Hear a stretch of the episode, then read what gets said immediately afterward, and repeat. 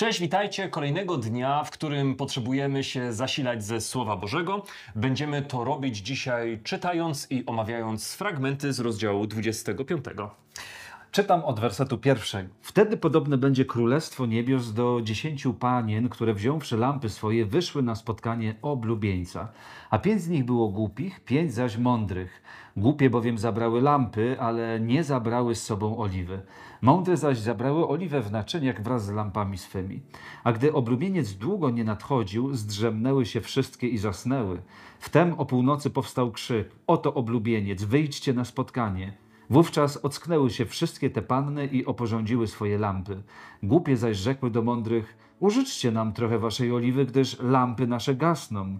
Na to odpowiedziały mądre: O nie, gdyż mogłoby nie starczyć i nam, i wam. Idźcie raczej do sprzedawców i kupcie sobie. A gdy one odeszły kupować, nadszedł oblubieniec i te, które były gotowe, weszły z nim na wesele i zamknięto drzwi. A później nadeszły i pozostałe panny, mówiąc: Panie, panie, otwórz nam. On zaś odpowiadając rzekł: Zaprawdę powiadam wam, nie znam was. Czuwajcie więc, bo nie znacie dnia ani godziny, o której syn człowieczy przyjdzie. Wiecie zapewne, że rozdziały i wersety zostały do Biblii dodane dużo później niż Biblia powstała i akurat rozdział 25 zaczyna się w miejscu, w którym pewnie nie powinien się zaczynać, dlatego że e, rozdział 24 i aktualny rozdział 25 to jest treść jednego kazania i rozdzielanie jej jest pewnym kłopotem w zrozumieniu tego, co Jezus chciał powiedzieć. I tak po wczorajszym zasilaczu, gdy mówiliśmy o tych znakach opisanych w 24 rozdziale, tam na końcu jest jeszcze informacja o tym, że z przyjściem Syna Bożego będzie tak, jak za czasów Noego i potopu, że ludzie będą funkcjonować w miarę normalnie, będą żenić się, wychodzić za mąż, będą siać, będą zbierać, ale nie spostrzegą się aż przyjdzie Jezus. Będą zaskoczeni tym wydarzeniem. To się wydarzy nagle i wielu nie będzie gotowych. No właśnie, jak w tej przypowieści, którą czytaliśmy, jak właśnie również wcześniej w 24 rozdziale Ewangelii Mateusza, Jezus daje do zrozumienia, że nikt nie zna dnia ani godziny, kiedy Syn Człowieczy przyjdzie. I e, to powinno nas wszystkich trzymać w takiej gotowości, w czujności, żebyśmy nie odkładali naszych przygotowań na powrót Jezusa dopiero na ostatnią chwilę, ale żebyśmy pielęgnowali ten nasz kontakt z Bogiem, naszą relację, żebyśmy kształtowali swój charakter dzisiaj, tak? Żebyśmy nigdy nie odkładali tego na jutro. I niestety, kiedy przychodzi nam e, taka myśl, kiedy zaczynamy ją przyjmować, że a Jezus z pewnością jeszcze nie przyjdzie za naszego życia, że to z pewnością jeszcze długie wieki, zanim on przyjdzie, e, to taka postawa jest dla nas bardzo niebezpieczna. Jezus właśnie jeszcze w 24 rozdziale i w wersecie. E, 48 mówi o złym słudze, który rzekł w swoim sercu: Pan mój zwleka z przyjściem. Pan mój zwleka z przyjściem. I kiedy czytamy dalej, to możemy zobaczyć, że e, przyjęcie takiej myśli do swojego serca powoduje, że on zaczyna bić współsługi swoje, można by powiedzieć innych współ, współwierzących, zaczyna jeść i pić z pijakami. E, I wtedy jakby Jezus e, mówi, że Pan przyjdzie o godzinie, w której ten sługa się w ogóle nie spodziewa. E, zapewne mnóstwo chrześcijan, e, kiedy Jezus będzie miał już przyjść, właśnie będzie e, no, pielęgnowało taką postawę, że a, to z pewnością jeszcze nie jest ten czas, kiedy Jezus przyjdzie i, i właśnie będą, ich, ich postępowanie również będzie takie, jak wyrażone w tych wersetach. I stanie się jak za dni Noego. No. Podobną myśl następna przypowieść wyraża, bo mamy historię o o pannach, które czekają na pojawienie się oblubieńca. Wszystkie czekają, ale nie wiedzą, kiedy przyjdzie. Um, niestety okazuje się, że nie są gotowe, ale przynajmniej część z nich nie jest gotowa. Mm, Wszystkie zasypiają, ale to, co jest ważne, to to, że znowu po raz kolejny pojawia się w tej przypowieści, jak w poprzedniej, prosta informacja, że one nie wiedzą, kiedy przyjdzie oblubieniec. I to jest bardzo ciekawe, że gdy czytamy 24 rozdział Ewangelii Mateusza, to my zwykle chcemy z nim, w nim znaleźć informację, kiedy przyjdzie oblubieniec, kiedy Jezus powróci, ale w zasadzie cały 24 i 5 rozdział mają przekonać nas, że nie będziemy tego wiedzieć. To nie zmienia tego, że mamy być czujni, o czym Marcin przed chwilą mówił, ale w tych fragmentach główne przesłanie w kontekście daty powrotu Jezusa jest takie: nie będziesz tego wiedzieć. I można zobaczyć, że e, głupie panny z tej przypowieści, one nie wzięły na poważnie tych przygotowań, tak? Nie przygotowały się tak, jak e, należy. I kiedy jakby oblubieniec miał już przychodzić, to można zobaczyć, że one wtedy dopiero starają się nadrobić te swoje zaległości, te swoje braki. Jednak ta przypowieść bardzo wyraźnie daje nam do, zrozumienia, do, do zrozumienia, że e, wtedy przygotowania nie mają już żadnego sensu.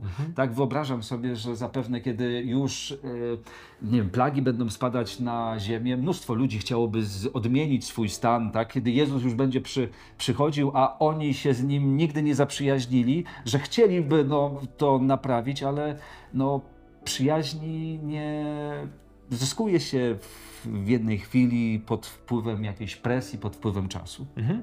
Z tymi pannami też jest tak, że one, te nieprzygotowane, one nie tak, że w ogóle nie były przygotowane, one po prostu nie były gotowe na czekanie, które byłoby aż tak długie. One miały ten olej w lampach, tylko było go niewystarczająco na tak długi okres czekania i to jest ta perspektywa, którą my widzimy wyraźnie, gdy historycznie odwrócimy się wstecz i zobaczymy, że za nami jest 2000 lat czekania. A Jezus powiedział, że przyjdzie wkrótce. Wkrótce, um, no wkrótce musi znaczyć coś innego niż my byśmy to zinterpretowali, mm, ale po prostu one nie były gotowe na tak długie czekanie. Więc z jednej strony mamy być czujni i gotowi, ale z drugiej strony gotowi też mamy być czekać niezależnie od tego, jak długo będzie to trwało. Ja bym jeszcze do tej przypowieści dołożył ten wątek e, snu. Po, ponieważ e, myślę, że to też jest takie em, bliskie. E, Nieraz dzisiaj da się słyszeć takie hasła "Prz- przebudźcie się, obudźcie się, prawda, duchowo, w jakiś, w jakiś sposób ludzie e, jeden drugiego stara się e, właśnie w taki sposób wzywać, żeby nie wiem, zobaczyć, co się dzieje na świecie, prawda? Natomiast, mm, natomiast ta przypowieść też pokazuje, że duchowy sen nie jest najgorszą rzeczą, jako, jaką może człowieka spotkać. Bo tu jest pokazane, że zarówno mądre i głupie panny zasnęły, e, ale też wszystkie się obudziły. Prawda? Wszystkie się obudziły, jednak to, że ktoś się obudził, ktoś się przebudził, to jeszcze nie poprawiło jego, no, jego sytuacji. E, Tak, właśnie mm, jedynie no, ten zapas oliwy, jakkolwiek byśmy go teraz mieli interpretować, ale jakby chodzi o to, żeby się właściwie przygotować, tak, właściwie przygotować, budując tą swoją relację z Jezusem, e, stając się Jego naśladowcą na co dzień, e, budując swoje zaufanie do Niego, bo to nie rodzi się w jednej sekundzie, tak. E, Po tym podobieństwie o dziesięciu pannach Jezus przedstawia jeszcze jedno podobieństwo, tym razem o talentach. E, Ta, e, ta przypowieść mówi o gospodarzu, który rozdziela swoim sługom swoją majętność, swoje pieniądze e, z takim oczekiwaniem, że oni będą tym obracać, że oni będą pomnażać właśnie e, te, ten jego majątek. I słudzy różnie się za, zachowali. Jedni e, właśnie obracali tym, e, tymi pieniędzmi, e, podwajali, potrajali te, e, te pieniądze. Natomiast e, był człowiek, który zakopał ten talent i, e, i po prostu go chciał oddać e, gospodarzowi. E, I ta przypowieść bardzo mocno nas wzywa do tego, że jeżeli Bóg coś w nas zainwestował, tak? czy to są właśnie nasze talenty, czy dary duchowe, e, czy to są nasze różne umiejętności, czy pieniądze, czy nasze wykształcenie, bez względu na to, co Bóg w, w ciebie zainwestował, On oczekuje, że będziesz tym obracał nie tylko dla swojej chwały i swojej wygody, ale dla Jego chwały i dla rozwoju Jego królestwa. I całe kazanie kończy się sceną sądu, w której Bóg rozdziela wszystkich ludzi na tych, którzy stoją po jednej, po prawej i po lewej stronie. I sąd odbywa się na podstawie tego, w jaki sposób ludzie traktowali innych ludzi. I to jest bardzo ciekawe, że w tym całym zagmatwanym kontekście teologicznym dochodzimy do tego, że owocem podążania za drogą Jezusa, za Jego nauką, za Jego słowem, za Jego prawem jest to, w jaki sposób człowiek będzie traktował innych ludzi. I wyraża się to w taki sposób, że Jezus mówi pewnej grupie osób, że oni byli dla Niego dobrzy, że odwiedzili Go w więzieniu, że dali Mu ubranie, że gdy był chory, byli przy Nim.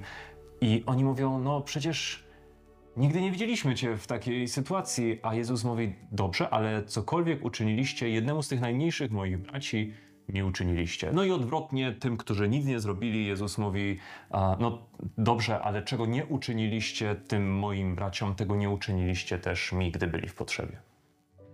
Próbując jakoś podsumować to kazanie Jezusa, w którym uczniowie zapytali go o znak przyjścia, jego powrotu, em, musielibyśmy powiedzieć, że celem kazania jest pokazać, że nie będziemy wiedzieć. Że nie będziemy znać daty powrotu Jezusa, że znaki, które mogą nawet nam pokazywać, że to jest bliżej lub dalej, one nadal nie będą nam mówić, kiedy to się stanie.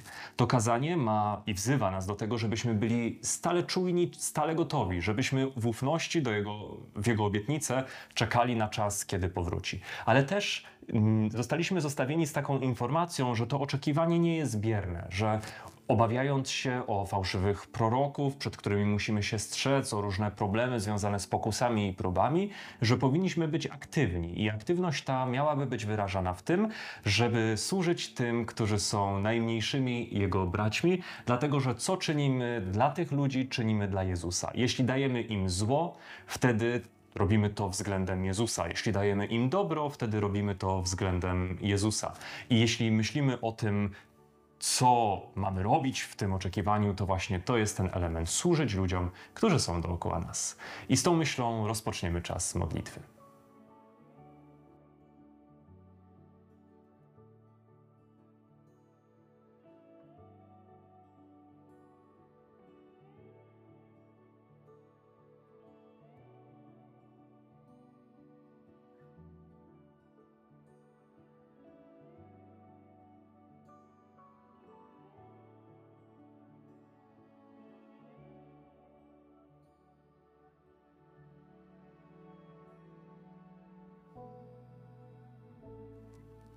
Bardzo dziękujemy Ci, Ojcze, że Twój Syn niedługo po nas powróci, więc niech przyjdzie już Twoje królestwo.